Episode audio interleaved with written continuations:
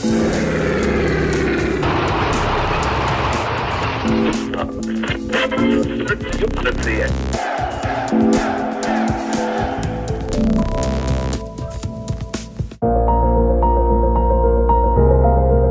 hory mě zaujaly nejvíc, protože tady vlastně bylo spousta tajemství, spousta takové jako zaniklé civilizace a zároveň to bylo pohoří, kde bylo málo lidí, málo badatelů, málo turistů, takže to byl taky jako opravdu, opravdový terén, uh, kde se dalo leco zjistit, leco vybádat. A prostě mi přišlo, že Krušné hory si zaslouží trošku nějakou péči, jako aby, aby se o nich víc vědělo a aby si lidi změnili názor na ně, že to nejsou dávno zničené hory, postižené exhalacemi, ale že je to naopak krajina krásné přírody, plná tajemství stop po českých Němcích a po těch událostech, které tady tím regionem prošly.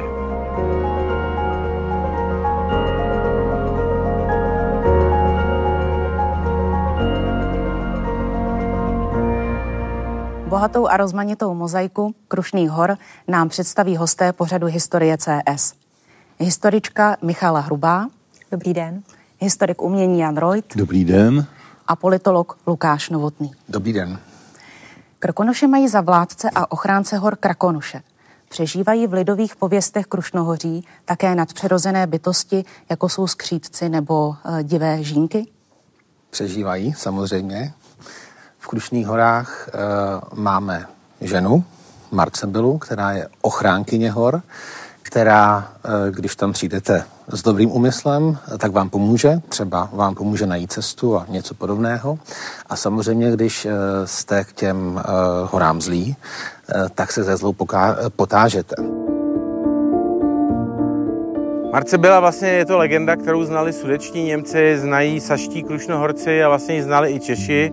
Eh, to je ten její název, různě variuje, třeba na české straně je to Marcebila, Mar, Rybila, Mařebila, Marcipánka, na té německé straně je to vždycky Marzebila a ten její příběh je všude víceméně stejný. Je to dcera uh, z hornické rodiny, která sem přišla osidlovat Krušné hory v tom 16. století.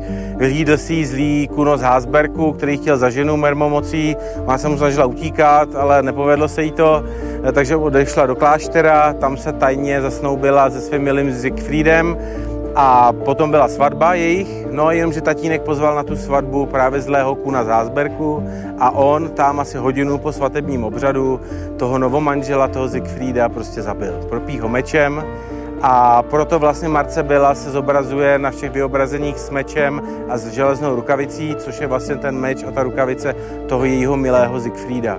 A utekla do lesů a e, do dnešní dob tady působí. E, my jsme ji ještě spojovali s mlhou, že říkáme, že Marce Bela je paní mlh, protože jako klimaticky mlhy sem do Krušních hor a pod Krušnohoří jako velmi patří a proto lidi vždycky, když vidí někde mlhu, tak si říkají, a Marce byla je tady mezi náma, pojďme jí něco vyprávět. A lidi potom vypráví nějaké příběhy do mlhy, což jsou vlastně ušitý Marce byly. Ale není to jenom marcibela, jsou to i různí uh, skřípkové, permoníci, uh, samozřejmě zmiňme ještě i uh, ducha hor, který eh, podle různých pověstí v různých částech Krušných hor, ten úsek je veliký, je to 130 kilometrů, eh, se například eh, horníkům uměl v historii zjevit a třeba je upozornit na to, že se chystá nějaké důlní neštěstí a podobně. Jsou tam samozřejmě i zlí skřítkové, hejkalové, kteří třeba přepadají, přepadají kupce a, a, a potulné osoby a podobně. Krušné hory tvořily eh, obtížně eh, přístupný hraniční pás. Eh, Jaké Krušnohoří popisováno v prvních zprávách cestovatelů?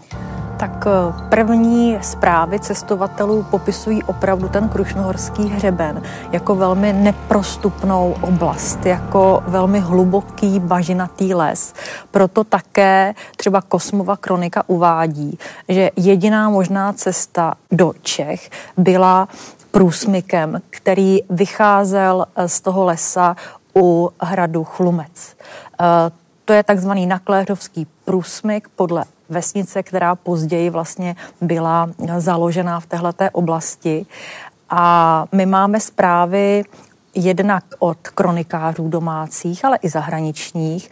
Víme o tom, že pokud chtěl eh, nějaký říšský eh, panovník táhnout s vojskem do Čech, tak opravdu musel používat většinou tento průsmyk. Máme ale i zprávy z daleko pozdější doby, kdy Krušné hory byly již eh, urbanizované a e, to z konce 16. století, kdy existují cestopisy vlastně dvou anglických vzdělanců a kavalírů. Ten jeden uh, procházel vlastně Krušnohorský hřeben v 90. E, letech, byl to Fine Morrison a ten popisuje Krušné hory jako oblast lesnatou, ale na Kléřovský průsmyk už vlastně volný, kde byly odstraněny ty porosty a on hranici viděl jako jakýsi dřevěný eh, milník, eh, který odděloval tedy zemi saského kurfiřta a českého krále.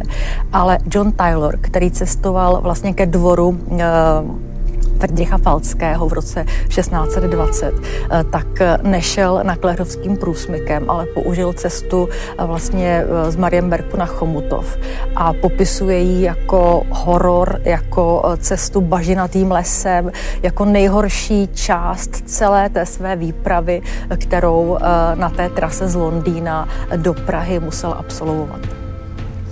Nerostné bohatství Krušných hor bylo jednou z hlavních příčin příchodu obyvatelstva, eh, kdy začínají proudit první příchozí eh, nad to území. Eh, my máme vlastně ty zprávy už z 13. století, vlastně na té druhé straně, připomeňme si Freiberg, se těžilo už daleko dříve ve 12. století a u nás vlastně, řekněme si, takový ty nejstarší stopy a zprávy jsou okolo eh, Cinvaldu a eh, okolo vlastně Krupky, kde eh, máme ty zprávy dokonce naznačuje ta zpráva Ibrahima ibn Jakoba vlastně o tom, že je to, jsou to místa, kde jsou bohatá na tyto, na tyto nerostné suroviny a v podstatě právě Krupka je to místo, kde se těžba rozvíjí jako jedna z nejranějších a pak ještě samozřejmě v okolí hrobů eh, a na území, tedy kde vládla rod Rizenburku. Připoňme si tu zprávu známou Boreše III. z Rizenburka, že to je to vyrovnání se s tím, že eh, tedy on věnuje oseckému klášteru určitý výnos z těch dolů.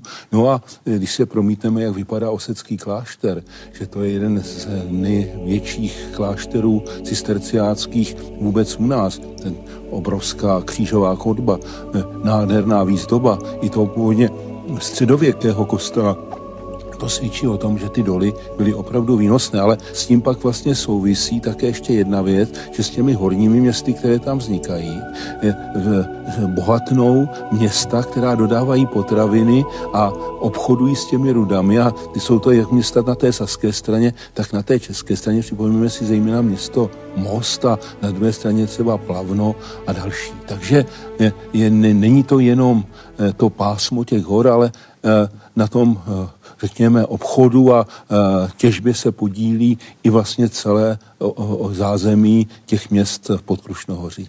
Osídlení Krušných hor probíhalo ale poměrně nepravidelně. E, nejdříve vznikaly první osady podél obchodních cest. Kudy vedly první cesty a první stezky? Víme, že ty nejstarší stezky navazovaly vlastně na tu síť původních zemských stezek, které eh, do hvězdice šly vlastně od toho pražského centra z pražské kotliny. Eh, to znamená, eh, víme o takzvané kralupské cestě, která vlastně měla se Saskem spojit hradiště Žatec a která šla kolem Kralup, které jsou považovány za celnici. My máme určité zprávy o tom, že tam tam byla celnice, že to vlastně bylo původní významné centrum jakési trhové, než vznikl nedaleký Chomutov.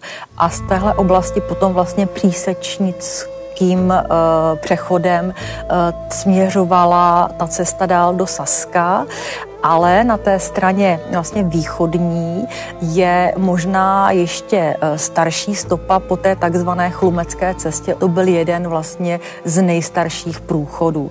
A eh, pravda je, že postupně vlastně tak, jak se zejména od 13. století, od druhé půlky 13. století a ve 14. století, jak se vlastně intenzivně kolonizovalo to podhůří, tak v souvislosti s tím byly hledány i další průchody eh, vlastně přes Krušné hory.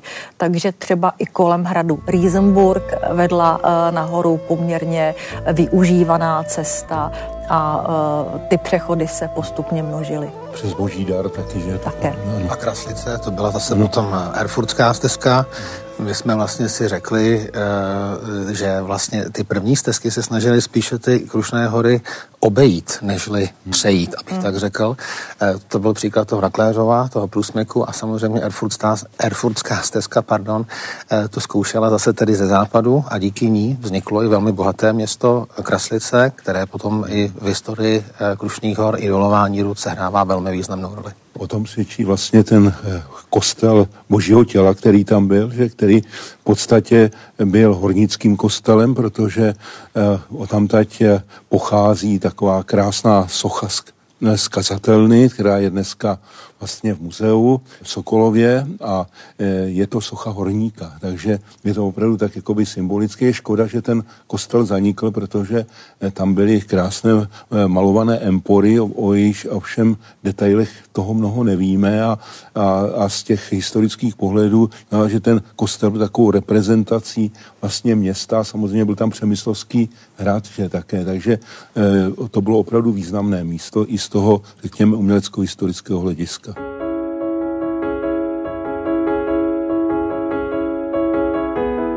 Tak, teď stojíme v centru městečka Loučná pod Klínovcem, které je dneska jedno z úplně nejmenších měst České republiky, ale e, dříve to bylo celkem významné centrum na hranici e, jak s Německem, tak později s východním Německem.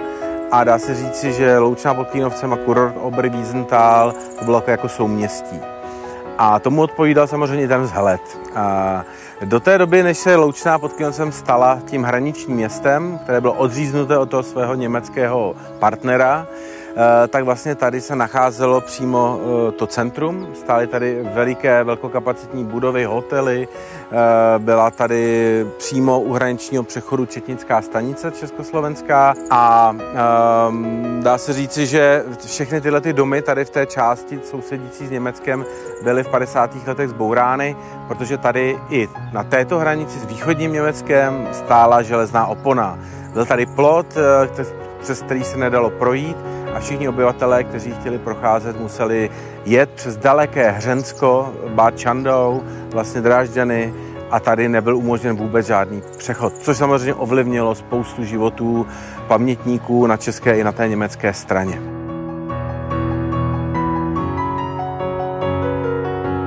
Horská hranice mezi Čechami a Saskem byla ustálena podpisem Chebské smlouvy v roce 1459 čím byla tato smlouva závazná a důležitá?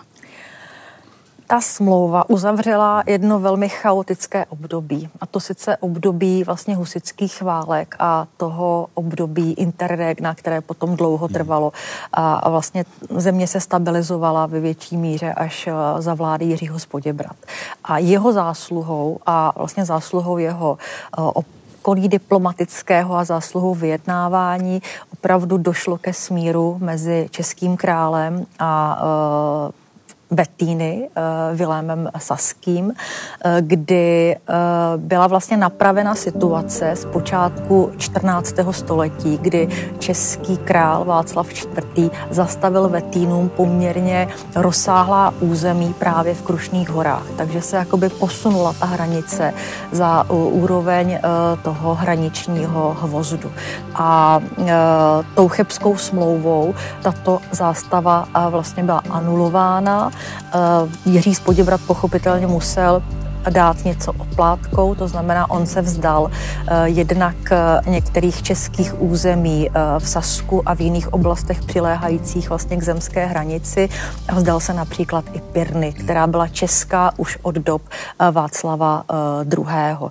Takže tímto se posunula vlastně zpátky ta česká zemská hranice někam tedy na ten hřeben Krušných hor, eh, což pro to následující období znamenalo, že se ta hranice začala intenzivněji vlastně mapovat a hlídat a uh, způsobilo to potom především to, jak se začaly rozvíjet ty hornické osady a začalo se těžit, protože máme takový příklad, že některé uh, vlastně ty hornické osady a hornická města byly založeny saským kurfiřtem.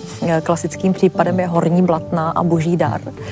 A e, po té, co ve špamalkatské válce vlastně eh, byli luteráni poraženi, v jejich čele vlastně se angažoval saský kurfürst, tak v rámci toho vyrovnání právě tyhle oblasti připadly ještě k české koruně. A díky těžbě nebo kvůli těžbě v Krušných horách vlastně vznikla jedna z nejpřesněji vytrasovaných hranic vůbec, nebo jedna z nejstarších vytrasovaných hranic v Evropě vůbec. Název Krušné hory se objevuje poměrně pozdě, až v roce 1589.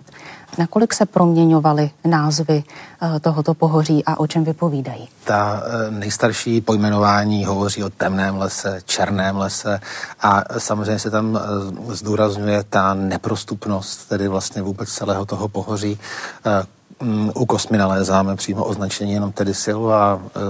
V češtině se operovalo v té době s označením Vyšehory, ale každopádně velmi význačné je to pojmenování eh, z Němčiny Erzgebirge, které se do češtiny překládalo jako Rudohoří. To už reaguje samozřejmě na tu druhou etapu eh, vzniku, vzniku hornických měst, to je velmi důležitá. A reflektujeme tedy skutečně to, že eh, Krušné hory jsou doslova do písmene bohaté na rudy.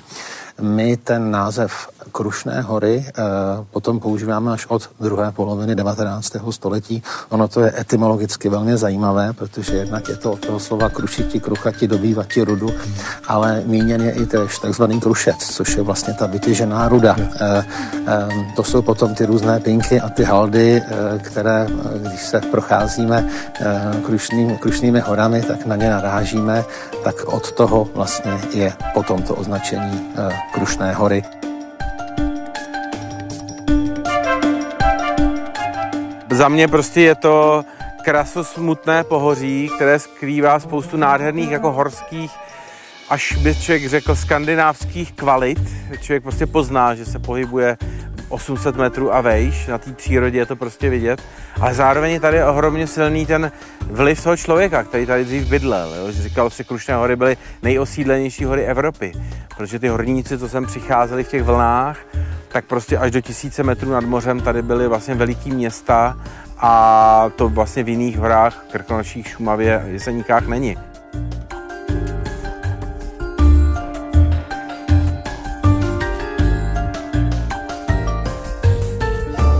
Připojíme si, eh, a to je také symptomatické, že v horních městech jsou často kostely nebo kaple zasvěceny svaté Aně, která je patronkou hor, horníků a souvisí to i často s legendami, které jsou spojeny s těžbou.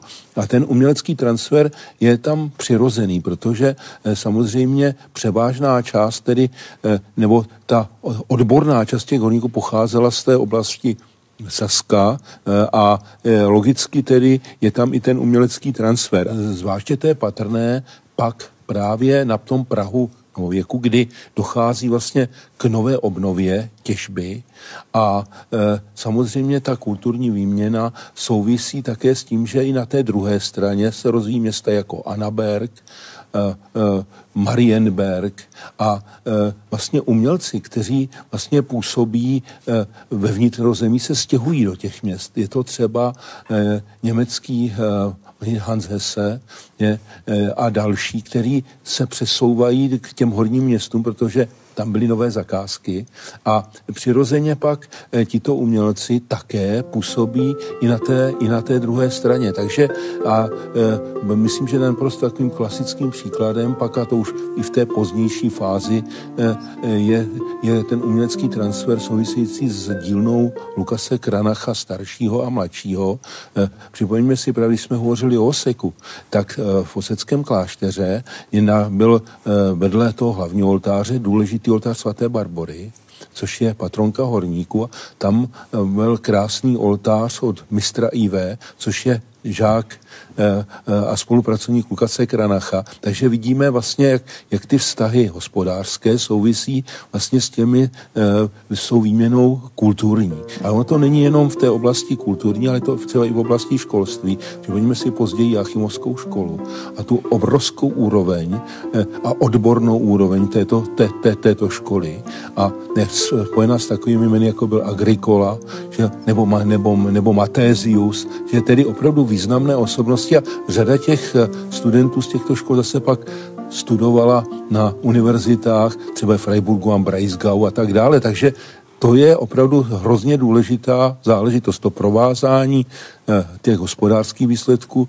umění a vzdělání tady proudila pracovní síla, proudili tu učenci, proudili tu umělci a uh, vznikla tady vlastně taková svébytná jakoby společensko-kulturní situace, hmm. uh, která e, byla naprosto mimořádná. Uvědomovali si ji především Vetínové, když v roce 1526 zemřel Ludvík Jagelonský v bytně u Moháče, tak a hledal se vlastně nový panovník na český trůn, tak Vetínové pochopitelně pošilhávali po možnosti na něj usednout a Jan řečený vytrvalý z rodu Vetínů, který se ucházel vlastně o českou korunu, tak nechal sepsat takové memorandum o užitečnosti toho, jak vlastně mají české země a Vetínové společné hospodářské zájmy, jak jsou si blízcí a jak by vlastně jeho usednutí na český trůn bylo prospěšné. Podporovala ho pochopitelně především šlechta z toho prostředí regionu severozápadních Čech, eh, která měla spojené jaksi své hospodářské zájmy eh, se Saskem. Právě to obrovské bohatství se projevovalo i v ikonografii eh, těch uměleckých děl. Právě klasickým příkladem je ten schořelý oltář v Jáchymově, kde jednak vyjadřuje ještě jednu věc, která je pak podstatná pro ten život v Krušnohoří a to je konfesionalizace. Protože po Luterovi Luterových tezích víme, že prvně, kde byly přijaty Luterovy teze, byl ostrov nad, nad Ohří, což je panství šliků, že? A e, v podstatě, e, jak si e, okamžitě, poměrně záhy, vlastně to, co je na Klaudianově mapě Čech označeno klíči svatého Petra, tak se mění v Luterovu labuť. Můžeme kostel svatého Jáchyma v Jáchymově považovat za vůbec první luteránský kostel v českých zemích? Svým způsobem určitě byl největší. Eh, ano, můžeme, můžeme tak hovořit, že, že šlo o opravdu k, eh, tedy sakrální stavbu, která byla stavěna s tím účelem, protože řada těch eh, kostelů byla proměněna.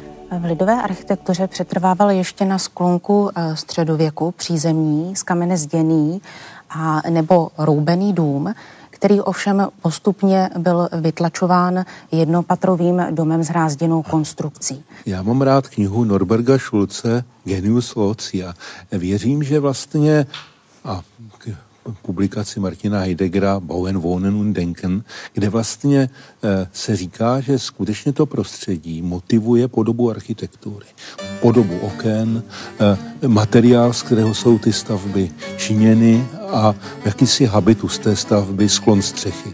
Vlastně také e, musíme si uvědomit jednu věc a to je, to je typické pro ta horní města, že po určitou dobu ty stavby měly jakoby dočasný charakter. Velice to je vidět na tom, že v té největší slávě měl Jáchymov 18 tisíc obyvatel, což bylo druhé největší město v Čechách.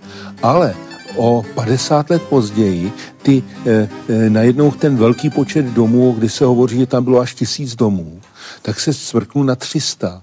Svědčí se o tom, že řada těch domů byla provizoria jo, která prostě zanikla v souvislosti s tou těžbou. Jo. Takže byly tam samozřejmě výstavné stavby, jako byla radnice, anebo když se podíváme na ty krásné patricijské domy, jo, které s těmi renesančními portály, takže to, to ano, ale řada těch staveb zřejmě byla opravdu jako velice jaksi, protože to město se mohlo přesunout.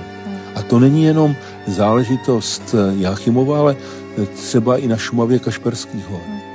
Musíme si taky uvědomit, že se zachovalo vlastně mizivé množství té původní architektury, zejména lidové. Jo? Zachovala se horní města s kamennými měšťanskými domy, ale ta lidová architektura se zachovala opravdu jenom ve velmi malém segmentu.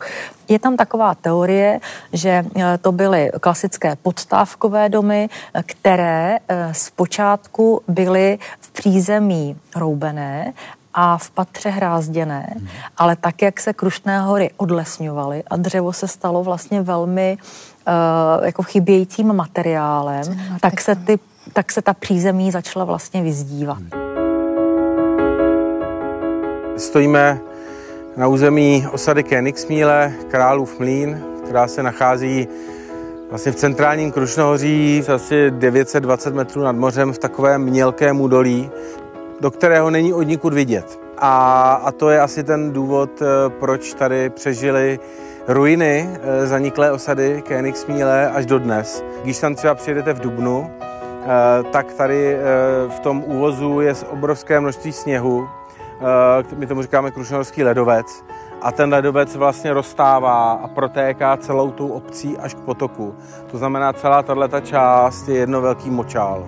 A jestli jsem oni s tou technikou tehdy v těch 50. letech v rámci bourání pohraničí přijeli na jaře, tak se dovedu představit, že řekli, ne, ne, tam stroje nemůžou a jeli dál. Dneska sem chodí spousta lidí, je to jedno z nejnaštěvovanějších míst Krušných hor s úžasnou poetikou, s nádherným geniem loci, protože když jsem přišel třeba večer a to sluníčko svítí tamhle na tu hlavní budovu, tak máte pocit, že jste na nějaký jiný planetě, takové osadě, ani nevíte, v jakém století se nacházíte. Krušnohoří v průběhu 16. století působilo více než 80 eh, lesních hutí. Eh, v letech 1450 až 1700 pocházelo tedy saské sklo výhradně z krušnohorských skláren, co přispělo k zániku sklářských manufaktur sklárny spotřebovaly enormně, eh, enormní množství dřeva, ale to dřevo bylo potřeba také k horní činnosti. Jo, takže já si myslím, že tady byl jeden z těchto těch jak, jaksi důvodů, eh, eh, protože eh, to, topí se dřevem, sklárny potřebují dřevo, potaž že jo, a další, další látky. Já si myslím, že ten jeden z těch důvodů bylo to postupné odlesňování, odlesňování Krušných hor a, a tím pádem v podstatě také eh, to potlačení právě té činnosti, činnosti sklářů. Ty hutě byly skutečně stěhové. No. Eh, já mohu no. vlastně například uvést Oloví, kde byly významné sklárny právě no. na Sokolovsku, případně i některé další velmi, řekl bych, inovativní postupy.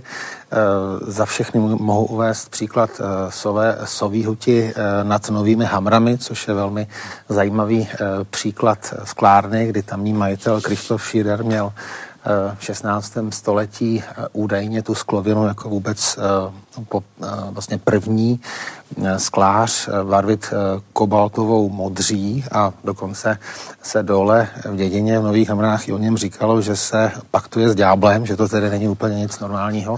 On naopak se spíš paktoval s Brity, protože ten svůj vynález jim dokázal pak i taky hodně prodat.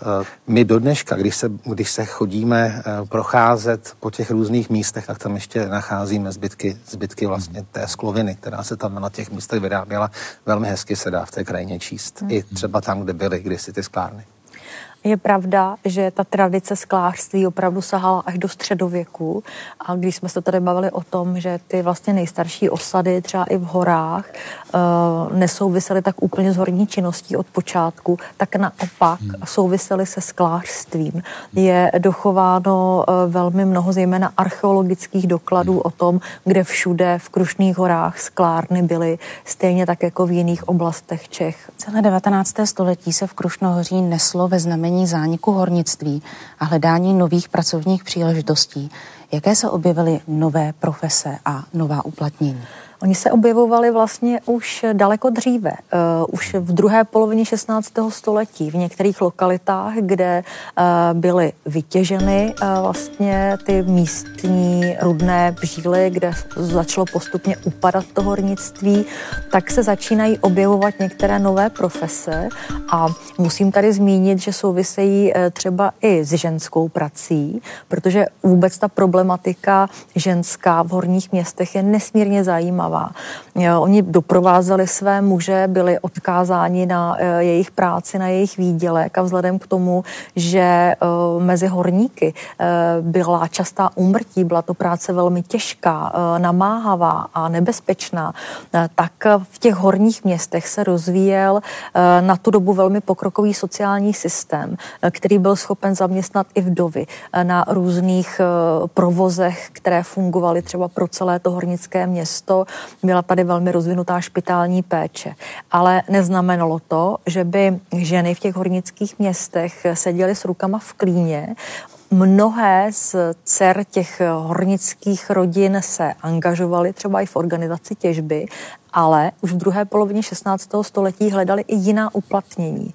Známe krásný příklad ze Saska, Barbary Utman, Utmanové, která začala už po polovině 16. století organizovat eh, v té oblasti výrobu prýmků a ona ji organizovala vlastně pro, odhaduje se, několik stovek žen, ale i mužů, eh, kteří vyráběli vlastně po domácku. Byly to takové vlastně nejranější manufaktury. Hmm. To bylo ostatně i v Oseku, je vlastně, když eh, jak si to, to bohatství, ono tam nikdy úplně nepominulo, protože pak zase, když se začalo těžit uhlí, což je taky důležitý pak aspekt, ne, tak v podstatě eh, oni měli i podíl na eh, těžbě uhlí tam v okolí hrobů a tak dále, že a, ale také právě opat Litvérik založil manufakturu, je to, tam dodnes eh, jsou ty budovy tam eh, dochovány a eh, bohatly také z těchto zdrojů. Našel jsem informaci, že za Marie Terezie byly Krušné hory jedním z nejchudších regionů. To znamená, byl tam skutečně velmi složitý život. A samozřejmě ta ženská práce byla velmi význačná, ale řekněme si, že v době krize toho hornického průmyslu se do právě těchto prací zapojovali i muži. E, takže i e, máme příklady, e, kdy muži paličkují nebo se věnují krajkářství a podobně. To je tradice, která je tež rozvinutá v Krušnohoří. Eh, známe ty příklady, eh, fungovalo to tam dlouhou dobu, eh, kdy faktoři objížděli domácnosti, například v tom regionu Nejdek, Přebus, hmm. ukazovali tam různé vzory, ty se následně paličkovaly a třeba za týden na to se tam vrátil a vzal si ty hotové produkty, zaplatil samozřejmě a odjel je potom prodávat dál. Tahle ta tradice je velmi významná. Mohu uvést například i třeba e, velmi význačnou tradici muzikantství. Pokud jsme tady hovořili už o přísečnici, případně božím daru, tak hra na hákovou harfu je skutečně něco, co je velmi eh, typické právě pro tento region. Eh, osoby, které se právě zde naučily hrát na tenhle ten velmi specifický typ harfy, byly potom velmi vyhledávané třeba v lázeňských orchestrech eh, v Teplicích nebo i třeba v Karlových Varech, pochopitelně, a další věci. Takže perleťářství, samozřejmě výroba knoflíků z perlorodek, to též byly velmi zajímavé věci.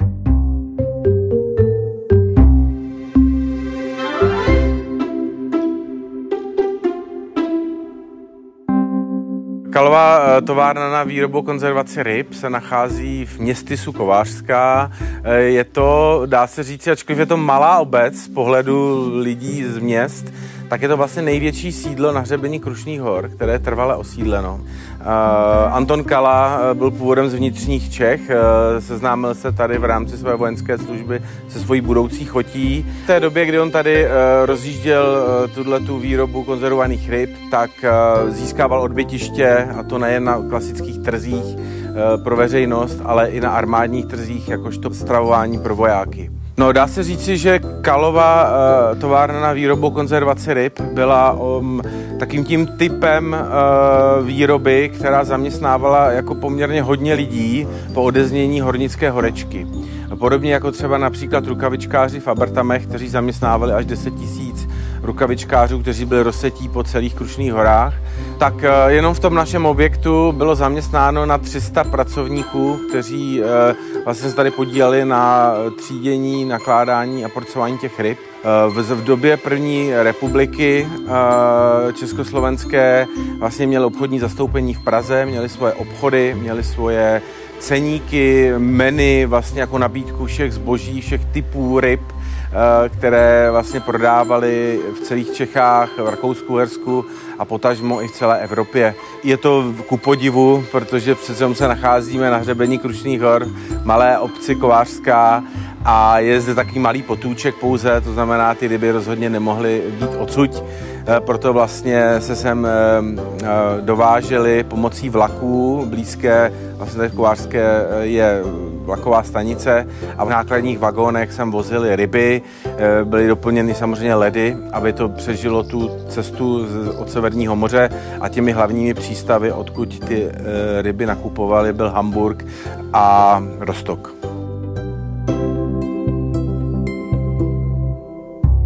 V roce 1870 byla zahájena železniční doprava na posledním úseku Ústecko-Teplické dráhy. Nakolik proměnila sociální poměry a hospodářství?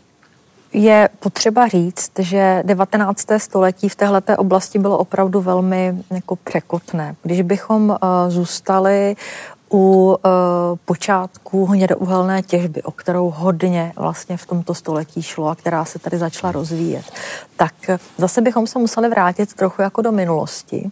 Ty vlastně nejstarší eh, povrchové hnědouhelné doly se začaly někdy kolem poloviny 19. století objevovat na velmi zajímavém prostoru. A to na prostoru vlastně původního Komořanského jezera. To bylo veliké jezero uh, na řece Bílině a my víme, že opravdu to byla velká vodní plocha, bažinatá, že tam existovaly rybářské osady, rybáři měli určité výjimky už od 15. století a že to jezero postupně vysychalo. Vysychalo až tak, že někdy na přelomu 18. a 19. století těch vodních ploch jako takových bylo opravdu velmi málo a e, byly velmi mělké a proto se zejména Lubkovicové, vlastnící vlastně zámek jezeří a panství, rozhodli, že začnou tu oblast vysoušet. A na těch vysušených prostranstvích toho původního Komořanského jezera obyvatelé eh, těch vesnic, původně vlastně rybářských osad, začali pěstovat obilí, pícniny a začali provozovat zemědělskou činnost. Ale bylo to velmi úrodné, pochopitelně, ale trvalo to jenom velmi krátkou dobu. A právě kolem té poloviny 19. století, eh, kdy se začaly objevovat eh, první eh, ty hnědouhelné doly, eh, tak v návaznosti na výstavbu té trati, která, jak jste říkala, byla dokončena v 70. letech, že ono to postupně vedlo vlastně z Ústí nad Labem po těch etapách, až to došlo tedy do Chomutova, tak právě s možností transferu toho uhlí a různými aktivitami navázané na tu těžbu hnědého uhlí, tak se tato oblast začala velmi rychle vlastně obracet směrem k průmyslové výrobě. Existuje několik obrazů Kaspara Davida Friedricha, který vlastně zachytil tuhletu, tuhletu krajinu s těmi osamocenými stromy pod krušnými, pod krušnými horami a ostatně e, město Krupka a další byly pak posléze právě na, na, na tom po, počátku 19. století a i později naštěvovaný těmi významnými osobnostmi, jako byl Johann Wolfgang Goethe, nebo víme, že e, Krupce byl eh, Richard Wagner, jo, a takže byla to zároveň taková vlastně vyhledávaná, vyhledávaná krajina i těmito osobnostmi. A samozřejmě svůj význam, když jsme byli u železnice, měla nejenom ta podkrušnohorská trať, ale i ty trati, které vlastně protínaly Krušné hory. To znamená, eh, jednak eh, přes Kraslicko to byla velmi významná železniční trať, také ze 70. let 19. století Sokolov, Kraslice, Klingenthal, která potom tedy pokračovala dál do oblasti Plavna a Cvikova, což byla též i velmi významná, řekl bych, taková žíla těch Krušných hor. A stejně tak řekl bych významná trať my ji říkáme Krušnohorský Semering. To je trať mezi Karlovými Vary přes Nejdek do Potůčku, do Johann Georgenstadtu, což je do značné míry taková takový, takový mimořádný technický úkaz, protože nejenom, že tam je druhá nejvýše eh, položená železniční trať v České republice, je to, je to Perning, je tam i nejvýše položené železniční místo, ale eh, například eh, Pernínský viadukt svého času to byla skutečně jako anomálie. Zapojení do té stavby byli i italští mistři, kteří se skutečně tomuto tématu věnovali a do dneška je to nejvýše položený železniční viadukt českých drah. Měli jsme to štěstí, že eh, jsme se seznámili hned první rok našich aktivit tady v roce 2011 s paní Rozemarí Ernst, která se narodila tady v tom domě za mnou a v roce 1945 musela i s rodinou odejít v rámci odsunu Němců. No a jak tady ty lidi žili teda? No, eh, eh, bylo tady všeho všude 53 lidí v době odsunu Němců v těle těch šesti domech a v domě paní Ernst vlastně bydlela její maminka, její dědeček, a co víme, tak maminka, paní Emílie, chodila každý den do Kur Oberwiesentálu, to znamená za potok Polavu, eh, do Německa pracovat v továrně na Virkváren, to znamená to nějaké výšivky, to také eh, tkalcovské eh, výrobky a vracela se každý den zpátky. Její dědeček, když byl třeba zimní měsíce, byla mlha nebo byla zima, foukal vítr, nebylo vidět, tak na ní vždycky tady nahoře na, na na svahu, čekal s, s Lucernou, jestli se Emílie vrátí zpátky v pořádku. E, potom víme, že tamhle ten e, hlavní objekt zádu za potokem, že byl statek. E, les, který za ním stojí, tam nestál v době, za doby sudeckých Němců, protože moc dobře věděli, že sluníčko vychází přímo za tím lesem a že by tam strašnou dobu měli zimu a chladno, takže místo toho lesa bylo pole. Pěstovali brambory, pěstovali eh, často i třeba čalounickou trávu a ta tráva se vlastně sekala, eh, sušila a vkládala se do madrací, dělali se z toho ty madrace. A eh, myslím si teda, že většina lidí, co tady bydleli, tak pracovali na tom statku, chovali tu dobytek a ty, co nepracovali přímo tady v místě, tak chodili do Obry Wiesentálu nebo do Loučné pracovat v pohostinství nebo v nějakém turistickém průmyslu, který už tehdy se tady docela úspěšně rozvíjel.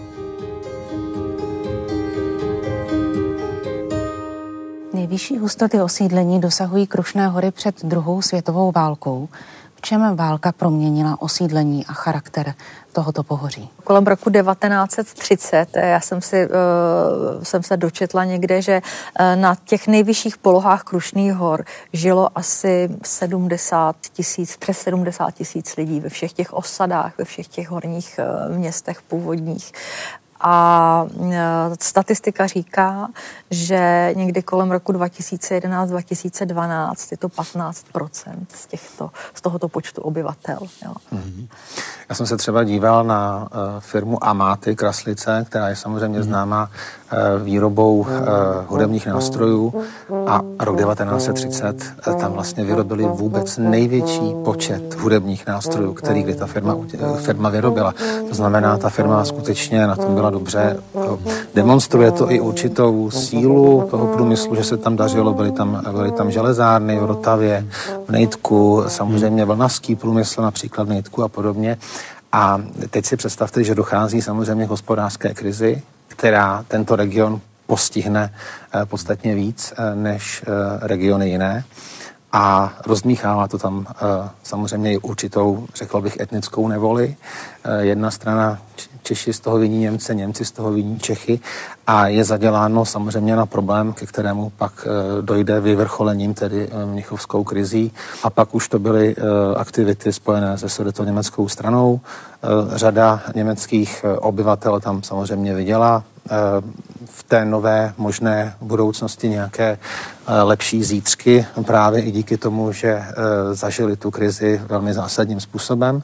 No a tím nám i Krušné hory vstupují eh, do druhé světové války. Hmm. Například nad Krušnými horami, moc se to neví, se odehrála vůbec nejvýznamnější letecká bitva na území českých zemí. Bylo to nad Kovářskou a skutečně tedy v tom prostoru mezi Kovářskou a Oberwiesenthalem operovalo v jednu dobu přes 50 bojových letadel. Jedno z těch letadel bohužel spadlo i na zdejší školu. Ten důvod eh, vlastně těch, těch leteckých střetnutí byl vlastně především to, že v Litvínově a na druhé straně v Lojíně eh, vlastně byl velice rozsáhlý chemický průmysl a byla to vlastně jediná místa, kde se vyráběl ještě technický benzín, že? takže eh, to, ty, ty důvody těch, těch střetů nad Krušnohořím byly, byly tyto. Jo. Prakticky i hned po ukončení druhé světové války začalo období odsunu německého obyvatelstva. Hmm do jednotlivých měst, osad buď přichází čeští obyvatelé, ale mnohé, zejména horské osady, zůstávají eh, prázdné. Dochází k odsunu a ten odsun eh, ty hory tedy zásadním způsobem poznamenal. Hmm. Já mohu uvést skutečně jenom malý příklad, eh, když vezmeme pás obcí mezi, mezi Přebuzí a Klínovcem, tam jsme ztratili 18 osad. To je neuvěřitelného hmm. něco. Hmm. Ta míra té devastace a té katastrofy eh, je tam, je tam do zásadní. Dnes už jen jezdíme prázdnými, prázdnými planinami po bývalých obcích, jako byly Chaloupky nebo Jelení, obec, která měla svého času 1200 obyvatel krásný kostel Antonína Padovánského, který bohužel též eh, musel ustoupit těm, eh, těm buldozerům, které tam eh, naběhly potom na přelomu 50. a 60. let, protože bohužel byl i pro tuto tu oblast přijat výnos o tom tedy, že se bude ve velkém bourat, že bude zavedeno hraniční pásmo.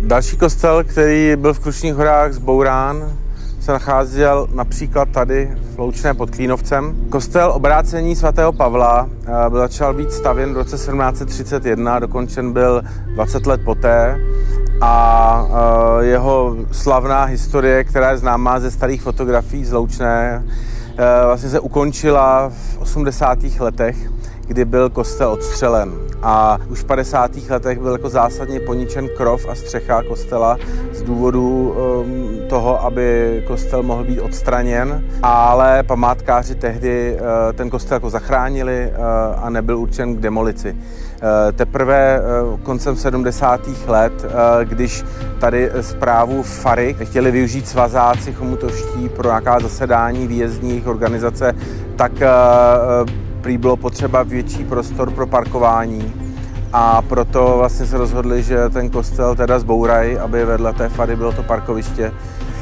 A vlastně k tomu odstřelu samotnému se váže eh, tak jako vzpomínka střelmistra, který měl za úkol ten kostel odstranit a ten vlastně v ten den, kdy přijeli s těmi výbušninami, jak se podivoval nad tím, že vlastně mají odstřelovat kostel, který je jako plně vybaven, že ten inventář tam stále zůstal a že to není asi, i v té době to nebylo něco typického, něco, co by se běžně dělalo. A co já zase vím z vyprávění pamětníků tady z kurortu Oberwiesentálu, což je tady 15 metrů odsaď hned za potokem Polava, tak v době, kdy se eh, vlastně kostel měl odstřelit ten den, tak jsem přišlo procesí asi 50 věřících v čele s farářem, který se snažil ještě zvrátit celou tuhle událost, to se jim ale nepovedlo a potom se z německé strany přihnalo spousta tehdy trabantů a spousta lidí, stovky lidí, kteří začali tady nahlas vykřikovat a volat hamba, hamba.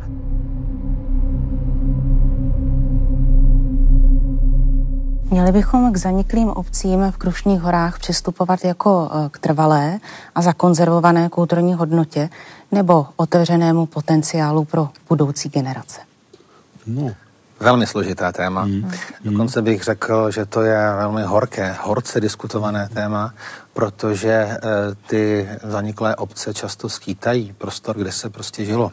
Mm. A tak e, jsou možná v hledáčku e, některých developerů, případně nějakých dalších podnikatelských záměrů.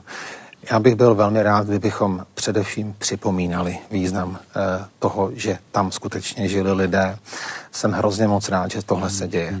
Mohu uvést eh, skutečně řadu příkladů, kdy se obce eh, hlásí k této, hm, k této části historie, kdy vznikají naučné stezky a další věci. Od roku 2019 je pět lokalit na seznamu světového dědictví UNESCO a to je i důvod, proč mají speciální režim a proč eh, tak úplně nejde přemýšlet o nějakých velkých developerských aktivitách, třeba právě v oblasti božího daru. A eh, když jsme začali těmi eh, báchorkami, pověstmi a bytostmi, které jsou nad rámec nějakého reálného světa, tak třeba ten boží dar zrovna ukazuje, jak i v dnešní době mohou takovéto bytosti vstupovat do našeho reálného světa. Kdo byl někdy na božím daru, tak ví, že tam nejpopulárnější osobou je Ježíšek, že tam je Ježíškova cesta a že boží dar vlastně na propagaci Ježíškovy pošty a na různých aktivitách pro děti, které se tam vymyslely a vlastně fungují tam velmi dobře, tak se mu daří i pěkně prosperovat. A samozřejmě, jestliže se bavíme o pěti komponentech, eh, které jsou na seznamu UNESCO za Českou republiku, tak eh, stejně je zapotřebí zmínit i těch 17 komponentů plus řadu dalších přidružených, které jsou na saské straně. A ta hornická krajina, ta hornická kulturní krajina, si dovolím říct, ano. tak je skutečně eh, pozoruhodná. Eh, podívejte se na různé stoupovny, žentoury, pozůstatky, hutí a další věci. To je důkazem toho, že ty hory skutečně svého času žily.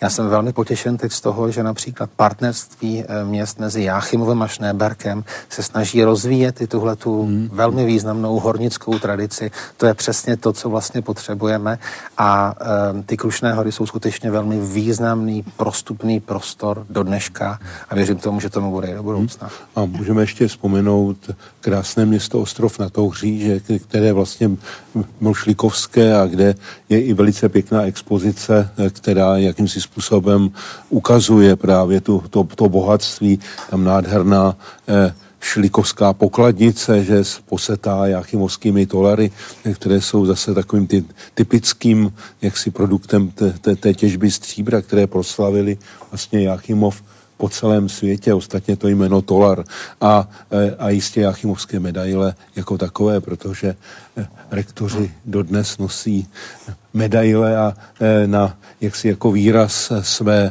řekněme, hodnosti a ta, ta tradice vychází právě z Jáchymova, takže vidíme, že to byl opravdu velice kulturní a podnětný hmm. region.